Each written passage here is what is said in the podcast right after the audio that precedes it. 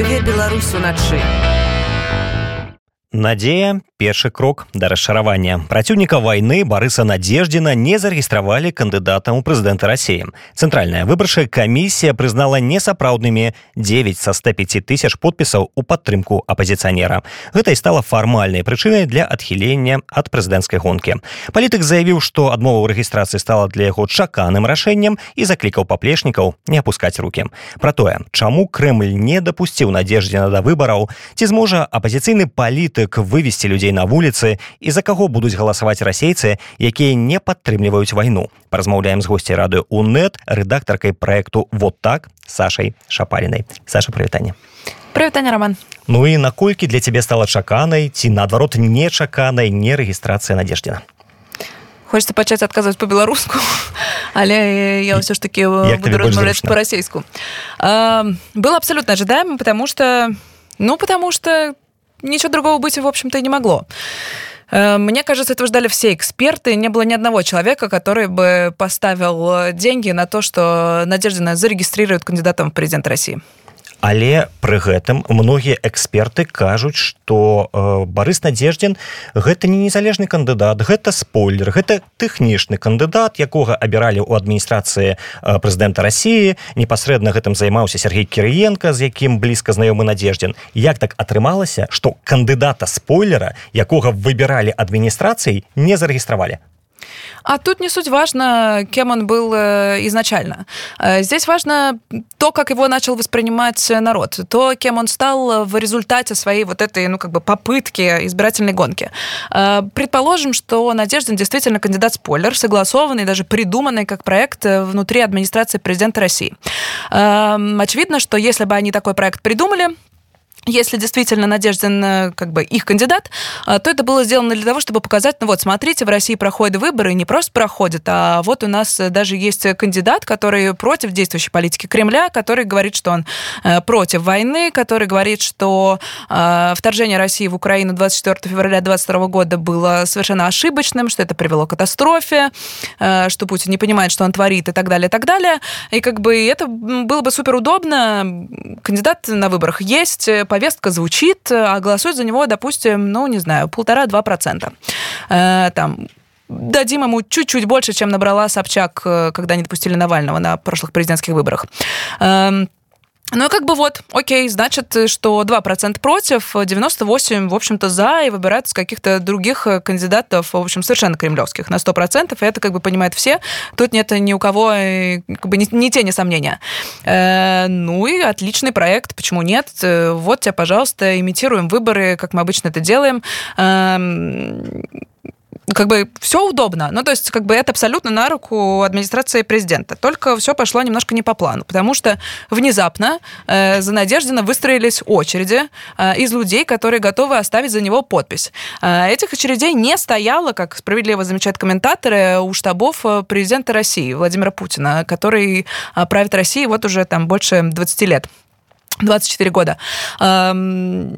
Их мы не видели, но мы видели людей, которые стоят э, в морозы и хотят оставить свою подпись за надежду. Мы видим людей, которые приходят их к очередям поддержать, приносят им, не знаю, горячий чай, э, печеньки и так далее. То есть мы видим какую-то реальную человеческую кооперацию, э, солидарность и так далее. И власти поняли, что даже если это был как бы изначально проект Кремля, он немножко выпал из их контроля. То есть они перестали контролировать, что происходит с Надеждой.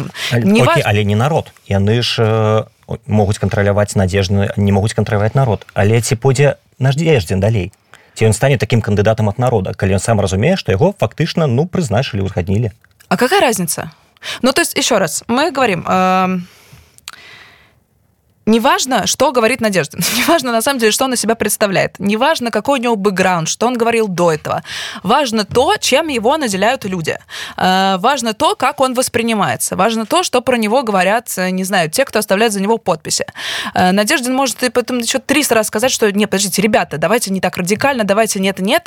Он все равно останется антивоенным кандидатом. И неважно, насколько он действительно выступает против войны с Украиной. Неважно, готов ли он отдавать Украине оккупированной, аннексированной Россией территории. Здесь важно то, что в него вкладывают люди, которые ставят за него подписи. И конкретно это Кремль контролировать не может, и поэтому дальше пройти Надежду не дал, потому что понял, что есть фактор, который уходит из-под его контроля. Дарэчы А калі агулам хто такі гэты барыс надзеждзін пра якога не было чуваць гадоў 20 гэта палітык з 90-х які прачнуўся і вырашыў што вось зараз прыйшоў яго зорны час ну в общем да это палітик з 90-х, начало 2000-х, он был депутатом Госдумы когда-то, после он начал заниматься, ну, такой, э, наверное, можно сказать, мелкой политикой. А это был оппозиционный депутат? Э, что значит оппозиционный? Было совершенно другое, ну, как бы... Он был он был из лагеря СПС. Ну, то есть он, он действительно работал со многими теми, кто создавал Союз правых сил. Это были их команды, это был Кириенко, а, который сейчас в администрации президента России. А, это был даже Борис Немцов. Ну, то есть как бы он был вот в лагере таких как бы условных либералов за реформы и так далее. А после он начал заниматься мелкой политикой в том смысле, что он как бы э, не претендовал на какие-то супервысокие должности, он занимался политикой региональной, он стал депутатом депутатом э, от подмосковного города и как бы Долгопрудного. Э, ну, как бы супер, занимался локальными проблемами. Ну, то есть его действительно мало кто знал, во всяком случае, в оппозиционной тусовке, потому что э, Надеждин был таким еще... Э, у него есть э, особая ипостась, он был гостем на федеральных каналах во всех этих политических ток-шоу, э, в которых он выполнял роль, э, ну, как это обычно принято называть, мальчика для битья. Ну, то есть, как бы он э, говорил какие-то хорошие вещи, типа за все хорошее против всего плохого, эм, там, с либеральной точки зрения, его, в общем, всячески там как-то, не знаю, в общем, спорили, назовем это мягко хотел сказать слово унижали, но нет, наверное, не унижали. Ну, то есть, как бы он просто такой, такой был вот э, для проформы либерал. Эм, ну, как бы вот. И то есть есть вероятность, что какая-то часть аудитории его знала, например, по этим э, ток-шоу. Хотя, честно говоря, мне кажется, что, э, не знаю, мне кажется, что в этих ток-шоу, как бы, те эксперты, которые туда приходят, они не выполняют какую-то самостоятельную роль. То есть они как бы играют э, роль в спектакле, это скорее такая массовка. И поэтому я не могу сказать, что э, он... Ну, то есть мне сложно, честно говоря, оценить, насколько широкую популярность вот в этих э, народных массах, которые смотрят, не знаю, Соловьева-Киселева, э, он приобрел. Ну, наверное, какая-то узнаваемость у него была, но она действительно была минимальной. Але сярод беларусаў ён атрымаў пазнавальнасць дзякуй сваім выказванням вось у гэтых ток-шоу у адным з іх ён размаўляў са сваімі апанентамі і выказаў такую тэзу што для рассіі было б больш выгодна і шчыра Беларусь акупаваць чым укладваць грошы ў гэтую краіну давайте послухаем. Еще раз хочу вас э, пояснить э, вашу мысль что уж лучше чем 30 лет деньги давать, действительно взять и оккупировать. Ну, это честнее, по крайней мере. Потому что ну, просто э, в варианте, который сейчас, нас 30 лет держат за дураков, извиняюсь. Мы дружим, денег да, на.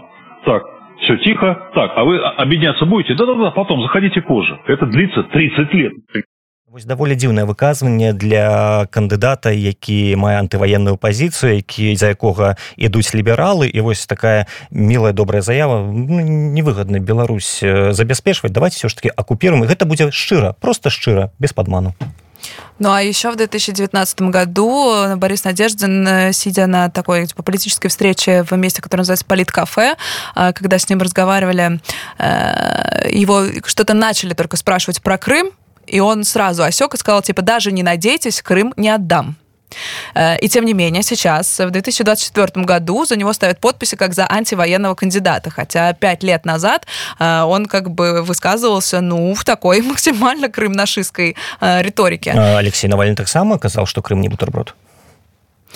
да, Алексей Навальный тоже говорил, но здесь как бы еще раз, о чем мы говорим? Действительно ли как бы эм, мы сейчас говорим с точки зрения, как будто бы Надеждин реальный кандидат, и мы обсуждаем некоторую его реальную программу. Никакой реальной программы нет, он абсолютно нереальный кандидат, в том смысле, что у него нет ни единого шанса э, выиграть эти выборы. Потому что его не зарегистрировали, как минимум. Да, его не зарегистрировали. Але до этого его... люди на его ставили, люди в его верили. Люди собирались в черги. Да, збирались в черге, потому что люди хотели как бы какой-то активности. Люди не хотели... Дело не в том, что люди хотели, чтобы конкретно, вот конкретный Борис Надеждин стал конкретным президентом России. Еще раз, здесь речь идет про какую-то активность. Когда люди э, стояли тоже, не знаю, в очередях, э, э, чтобы поставить подпись в бюллетене за Светлану Тихановскую, они шли голосовать не за Светлану Тихановскую. Они шли голосовать против Лукашенко. Их не устраивало то, что происходит в стране. Э, у Светланы Тихановской не было никакой программы. Ну, то есть, как бы, она не была кандидатом, за которого можно было бы голосовать как за конкретного кандидата. Они шли не ради нее, они шли против Тиханов... Э, прошу прощения, против Лукашенко. И это, ну, как бы суть не в том, что Светлана Тихановская говорила когда-то 20 лет назад, или в том, что Борис Надеждин говорил, там, не знаю, 10, э, 5, и неважно сколько лет назад. Суть в гражданской активности, которая сейчас происходит. Мне кажется, что это ключевое. Как бы обсуждать его программу всерьез нет никакого смысла, потому что нет никакой программы, потому что он как бы, э, еще раз, у него нет никакого шанса выиграть эти выборы. Э, здесь важно, что как бы происходит в обществе, как общество реагирует на любого рода политическую активность. Сейчас как бы такой фигурой, э, которая эту э, политическую активность смог э, возбудить стал Борис Надеждин. Но это мог быть любой другой человек. Подставьте туда просто им фамилию, не знаю, Петя Иванов, э, которого вдруг внезапно допустили до выборов, э, и который говорит, что я вообще-то против войны, и вообще-то Россия совершила ошибку э, с полномасштабным вторжением в Украину. А ці могла расійская апозіцыя вылучыць нейкага іншага кандыдата вось сабрацца як у свой час напрыклад у беларусі быў адзіны кандыдат ад апозіцыі ў 2006 годзе Конечно, нет.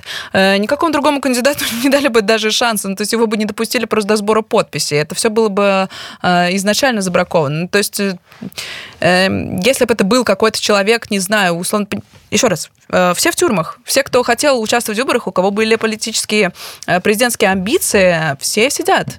Все политики, которые, не знаю, то есть это Илья Яшин, Владимир Карамурза, это Алексей Навальный, которые могли бы действительно, не знаю, либо в изгнании, Э, ну то есть э, добра выборы два -го года у беларуси напрыканцы 2019 хто такі Віктор бабарыка ведала у лепшым выпадку пару десяткаў тысяч чалавек звязаных з бізнесам звязаных э, с карцінамі галерэямі гэтак далей. У траўні 2020 про яго ведалі сотні тысяч. І за яго было сабрана некалькі соцень тысяч галасоў. У беларусі 10 мільёна беларуся кандыдат нікому невядомы паўгода таму збірае 400 тысяч подпісаў. У рассіі 140 мільённай кандыдат спойлер збірае 105 тысяч Беларусь 400 тысяч бабарыкі і 105 тысяч надеждзіна як такое можа быть Но нет, подожди, это 105, которые они отнесли в ЦИК. Собрали они, сказали, что 300 тысяч подписей. ЦИК просто не... В ЦИК нельзя принести больше 105 тысяч. Э, это как бы есть некоторые законодательные ограничения. Ты приносишь, ты должен, у тебя должно быть там типа 100 тысяч, они допускают там типа 5% а, отхождения от этой нормы. То есть больше 105 тысяч ты не можешь принести э, приносишь как бы максимум, сколько можешь, выбираешь лучшие подписи из тех, что у тебя есть, э, и как бы приносишь их в ЦИК. Собрали они больше, как бы времени на это было буквально там типа полтора месяца. Ну, то есть круто. Для 140 миллионной России собрать 300 тысяч подписов, это круто? Э, за полтора месяца, да. Так. В беларускіх рэаліях мне здаецца все ішло значна хутчэй так нет а зачем? Еще раз э, э... каб гэтыя подпісы былі праўдзівымі потому что мы все бачым что э, цык знайшоў э, праблемы з гэтымі подпісамі. Некаторыя былі фальсіфікаваныя былі мёртвыя душы былі асобы якія неправільна запоўнілі пашпартныя дадзеныя Ну это ж не фальсіфікацыі ці фальсіфікацыі. Ці вот сабралі там шчырыя былі подпісы все правильно просто их не захацелі лічыць Так мы же видели, как это происходило. Еще раз, есть, например, электоральный эксперт э, Роман Удот, который показывал ошибки, которые как бы ЦИК э, признал ошибками. Когда э, человек заполняет, не знаю, вписывает в графу свой адрес, там, не знаю, улица Ленина, дом 1, город Ростов-на-Дону, эм, когда эта подпись оцифровывается в ЦИКе, там появляется там улица Ленина, дом 1, город Ростов-на-Дому. Ну, то есть, очевидно, ну, то есть, как бы с поправками на почерк. Огромное количество вот таких ошибок, которые можно было бы отстоять, если бы было на это время, но времени дали три дня. То есть три дня, это значит, не знаю, 72 часа ты должен просто неотрывно сидеть как бы с командой, не знаю, нотариусов, юристов и так далее, и пытаться отстоять 4,5 тысячи подписей. Физически время на это просто не было. Ну, то есть ты должен по каждой подписи пройтись и понять, можешь ли ты ее отстоять. Борис Надеждин сказал, что как бы ему нужно отстоять там на 4,5 тысячи, из девяти забракованных, эм, чтобы его допустили. Но, блин, четыре с половиной тысячи. Это нужно сделать в течение 72 часов. Ну, это просто физически у тебя нет на это ресурсов. Ну, падаецца, што у каманды так мовіць адзінага антываеннага кандыдата павінны быць такія ресурсы все ж таки ён сабраў там і паліттэхнолагаў кац у яго камандзе хіба адзін з лепшых паліттэхнолагаў рассіі і у яго некалькі штабоў працавала чатыры калі не памыляюся і яны не маглі чатыры штаба з паліттэхнолагамі заняцца гэтымі чатырмя тысячамі подписал? Ну, потому что по каждой подписи должен быть заверенный документ. А, слушай, на самом деле, я не очень как бы хорошо знаю процедуру, но мы сейчас снова обсуждаем какие-то процедурные вопросы. А я хочу вернуться Добро, как бы, в, к России, тому, что... в России не лишить классы? Нет, не лечит, конечно. Никто не читает нормально голоса. Еще раз, э, не суть важно вообще. Даже если бы э, Надежда настоял бы эти подписи, предположим, они все идеально чистые, кристально чистые, все там вообще хорошо, э, его бы не допустили. Ну, нашли бы какой-то предлог. Ну, камон. Ну, мы что, боялись, что может быть стать Тихановской 2.0? Гэтага баяліся. Чаго баяліся у надеждзене да потому что за, даже за вот это ничтожно маленькое время что идет избирательная кампания борис надеждин с нуля набрал 10 процентов. 10 процентов популярности. И это говорят кремлевские политтехнологи от кремлевских партий. То есть от партии кпрф выходит человек который занимается социологией говорит что борис надеждин сейчас набирает больше чем все остальные кандидаты ну помимо владимира путина понятно вместе взятые но это безумие. За два месяца, не знаю, за три месяца человек вдруг набирает э, популярность в 10%. А дальше она растет с геометрической прогрессией. Потому что если бы ему дали сейчас начать кампанию допустили его до выборов, ну, то есть как бы Кремль понятия не имеет, что было бы с гражданской активностью. Зачем допускать такие риски, если можно их не допускать? Ну, как бы логично, логично. Надежды бы не допустили. Дело не в подписях. Э, насколько бы они не были чудесные и гениальные, насколько бы они... Вообще не в этом дело.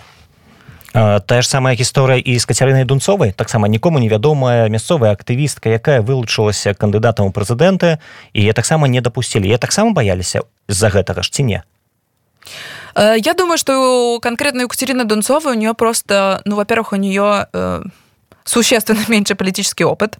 А, то есть я думаю, что там гораздо была хуже организация и так далее. Я думаю, что там действительно было место... Эм, ну, то есть я думаю, что э, как бы тут, в этом смысле там, не знаю, Центральной избирательной комиссии России э, в некотором роде повезло. Э, я думаю, что действительно из-за недостатка опыта Екатерина Дунцова просто ну, как бы не смогла пройти вот этот реально сложный, один из просто чудовищно сложных барьеров в том числе законодательный. Ну, как бы да, я думаю, что тут ЦИКу не пришлось даже особо трудиться. То есть, как бы я думаю, что там, правда, была проблема с документами, и как бы удобно было ее не допустить. Насколько бы далеко прошла Екатерина Тунцова, честно сказать, э, я не знаю. Я небольшая ее сторонница. Мне кажется, что все-таки для того, чтобы эм, вести избирательную кампанию на пост президента, нужно чуть больше, чем такое э, светлое желание перемен и такая вот, не знаю, детская наивность. Эм, я вижу это, к сожалению, именно так, но то есть, как бы, мне кажется, что тут нужен некоторый э, больший прагматизм и как бы большее понимание вообще э, обстановки. Я его не видела у Екатерины Дунцовой. Ну, как бы... Я не уверена, что она была бы э, так сильно опасна для Кремля. Хотя, с другой стороны, может быть, именно этого не хватает людям. Ну, то есть, как бы, тоже сложно предположить, чем бы обернулось, если бы Кремль ее допустил. Ну вось э, надеждзіна не дапусцілі але ўсе таксама бачылі што у яго э, у яго штабе у яго камандзе ўзнікалі некаторыя праблемы з арганізацыяй. Таксама яна была выбудавана не на вышэйшым узроўню вось сёння новая газета апублікавала расследаванне про то як ішоў збор подпісаў э, штабам надеждзіна і выданне сцвярджае што там мела месца падача падробленых подпісаў. То бок новая газета Еўропа гэта не дзяржаўная расійская сМ гэта не прапаганда гэта э, вядомае э, даволі ліберальнае выданне якое в Росії экстрэміскім прызнана уже мне падаецца так.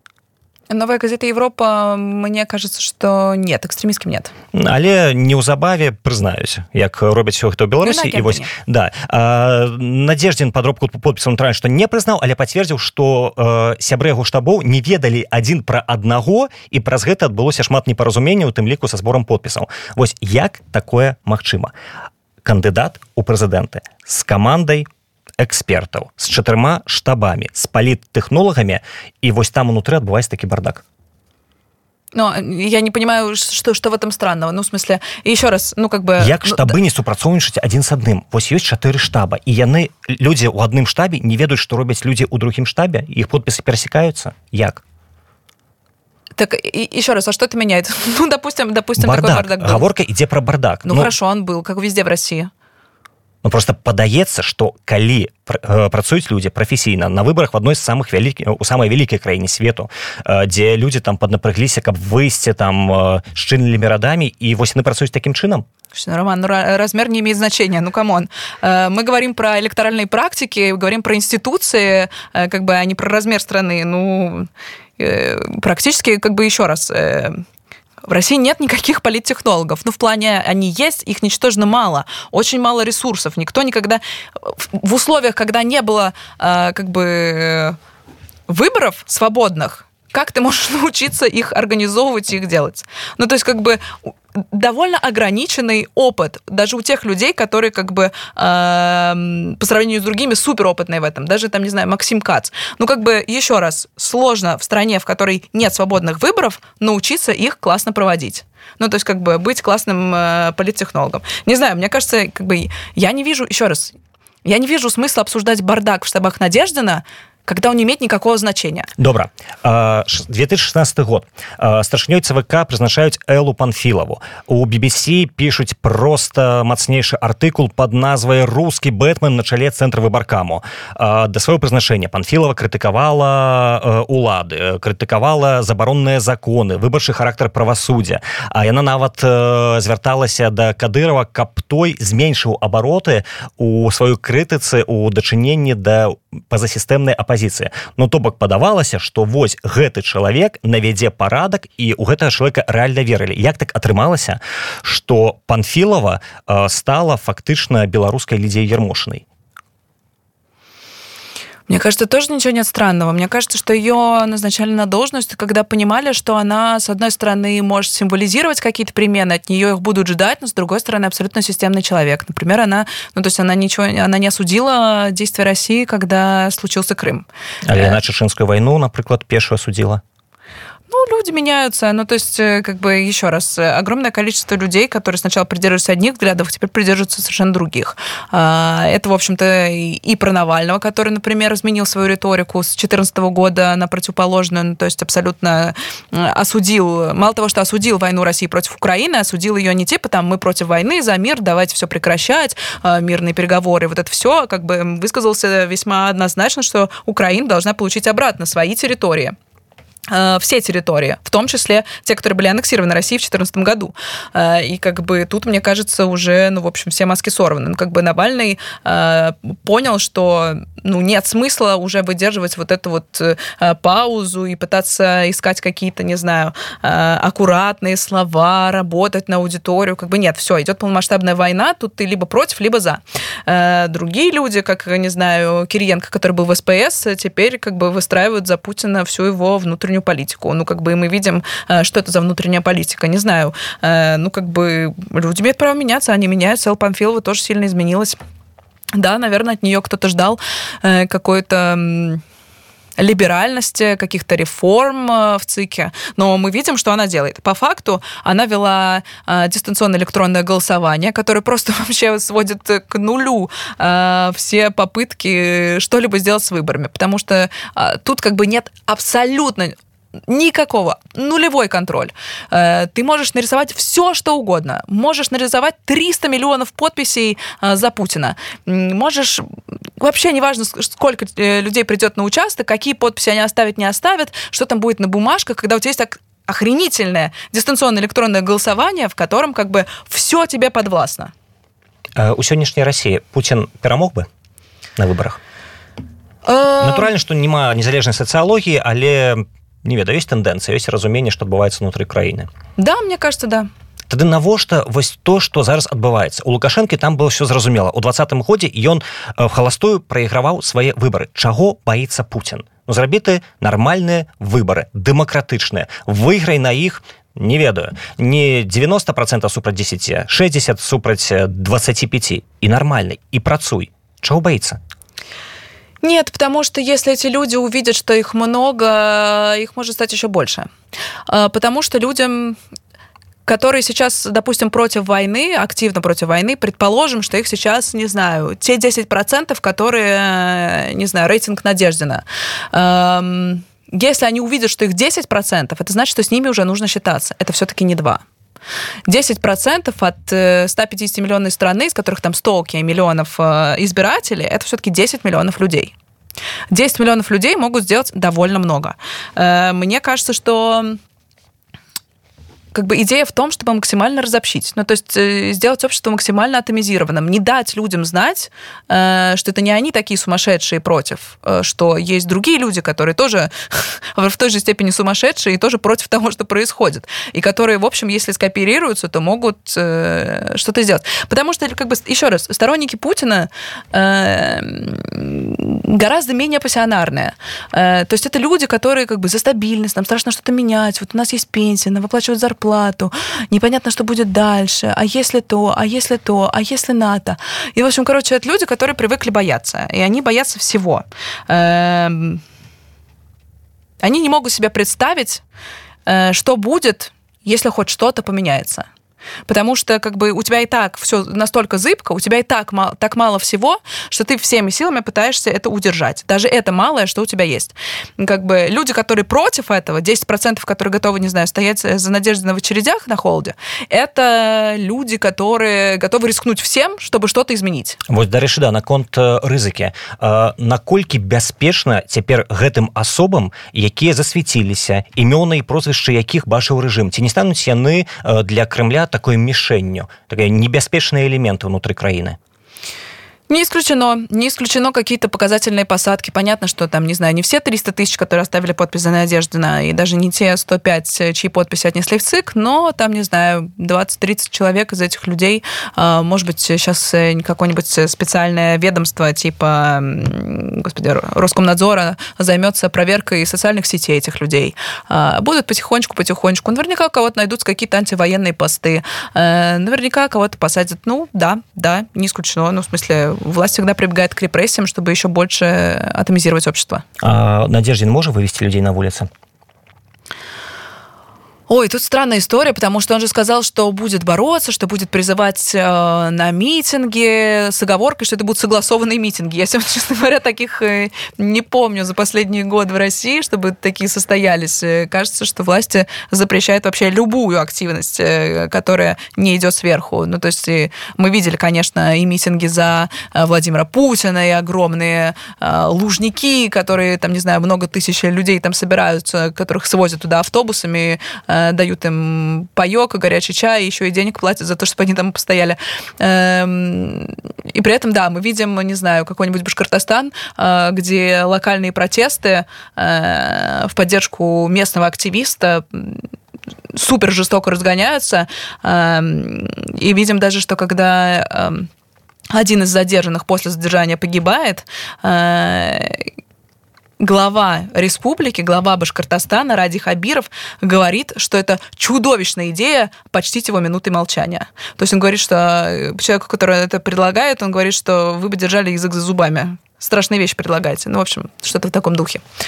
А люди самі могуць самаарганізавацца тому что як мы памятаем у жніўні два года Светлана Тхновская не заклікала нікога выходзіць на пратэсты люди самі абурыліся і самі все арганізавалі без лідара без заклікаў посмотрим Э, насколько это как бы самоорганизация. Есть день выборов э, в день выборов, по идее, как бы сейчас единственной вообще стратегией поведения на этих выборах осталось это прийти э, такой типа протестный полдень. Прийти в 12 часов на избирательные участки и как бы показать, что людей, которые против, много, это ни к чему не приведет. Ну, то есть это как бы, это акция исключительно, как говорят социологи, для установки социальных связей. То есть это просто демонстрация того, что э, я не один, э, со мной есть еще люди, и этих людей много. Э, насколько это способно, как бы, насколько это возможно конвертировать в какой-то, э, не знаю, реальный результат, сказать сложно. Я себе пока плохо представляю, каким образом это возможно было бы сделать, но, может быть, это станет зачатком вот такой самоорганизации. То есть люди увидят друг друга, э, может быть, это к чему-то приведет в плане как бы роста гражданской активности внутри России, а, потому что Насколько помню, ничего подобного, ну, то есть как бы даже повода э, для такой акции, в общем, не было долгое время. Э, а тут как бы это не страшно, ну, как бы насколько это возможно, не страшно, гораздо, понятно, менее страшно, чем выйти, не знаю, к Кремлю с плакатом «Нет войне» То есть вероятно, тебе это как бы, окей, риски есть, но они очень-очень низкие. Ну, то есть, как бы, правда низкие. Ты приходишь к избирательному участку, ты всегда можешь сказать, я пришел голосовать. А, посмотрим, как это будет выглядеть. Ну, просто зноў жа у меня адразу паралель з беларусем таксама у нас э, люди прыходзілі з э, белымі лентамі бачылі адзін аднаго пасля разыходзіліся і канец всім хочацца нейкага выхлапу нейкага выніку люди прыйшлі побачылі што іх шмат а 12 гадзіне а 13 пайшлі дадому і канец вы што рабіць людзям якія не падтрымуюць вайну і галасаваць няма за каго просто прыйсці ўбачыцца паглядзець адзін на аднаго паціснуць руки і пайсці па дамах честно говоря в этом смысле я пессимистична мне кажется что да мне кажется что на этом все ну то есть эм, мне сложно себе представить как это может дальше развиваться э, честно говоря я до последнего надеялась что Надеждина все-таки зарегистрируют, не потому что... Эм, не потому что не потому, что он как бы проект Кремля и как раз хотят вот э, захотят, чтобы все шло по их плану, ну то есть как бы чтобы он дошел до конца, получил 2%, его бы э, распустили всю эту историю и как бы ну и все, на этом расходимся. Мне казалось, что здесь есть э, элемент игры со стороны, назовем его мирный блок э, во власти России, э, которому будет просто интересно посмотреть, а каково это, если вдруг на выборах будет кандидат с антивоенной повесткой. Ну, то есть мне кажется, что Кириенко достаточно амбициозный сам по себе молодой человек, ему просто могло бы быть... Ну, то есть могло бы во-первых, это классная задача, это суперинтересная задача для политтехнолога, и во-вторых, это просто какое-то собственное честолюбие посмотреть, а могу ли я организовать что-то вот настолько масштабное, чтобы вдруг Россия могла бы себе вообразить себя без Путина.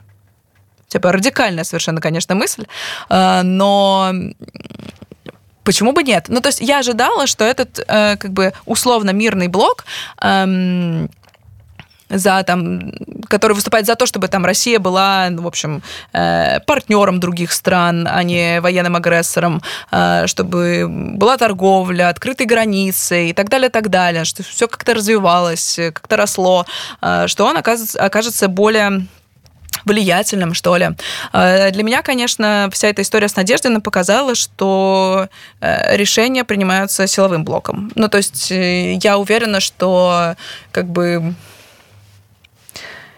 никакой деэскалации невозможно. В ближайшее время невозможно, и поэтому вопрос о том, что делать людям на выборах, мне кажется бессмысленным, потому что я себе плохо представляю, что делать. Ну, как бы, что делать? Заниматься гражданской активностью, не знаю, разубеждать э, своих соседей, которые верят Путину. Как бы, пока, пока не, не наберется какая-то критическая масса людей, которых против, эм, мне кажется, ничего не произойдет. На гэтым пессімістычным прагнозе мы скончым нашу размову я нагадаю што сёння госці радыонет была рэдактарка проекту вот так Саша шапаліна. Дякую Дякую таксама. Жыве беларусу начы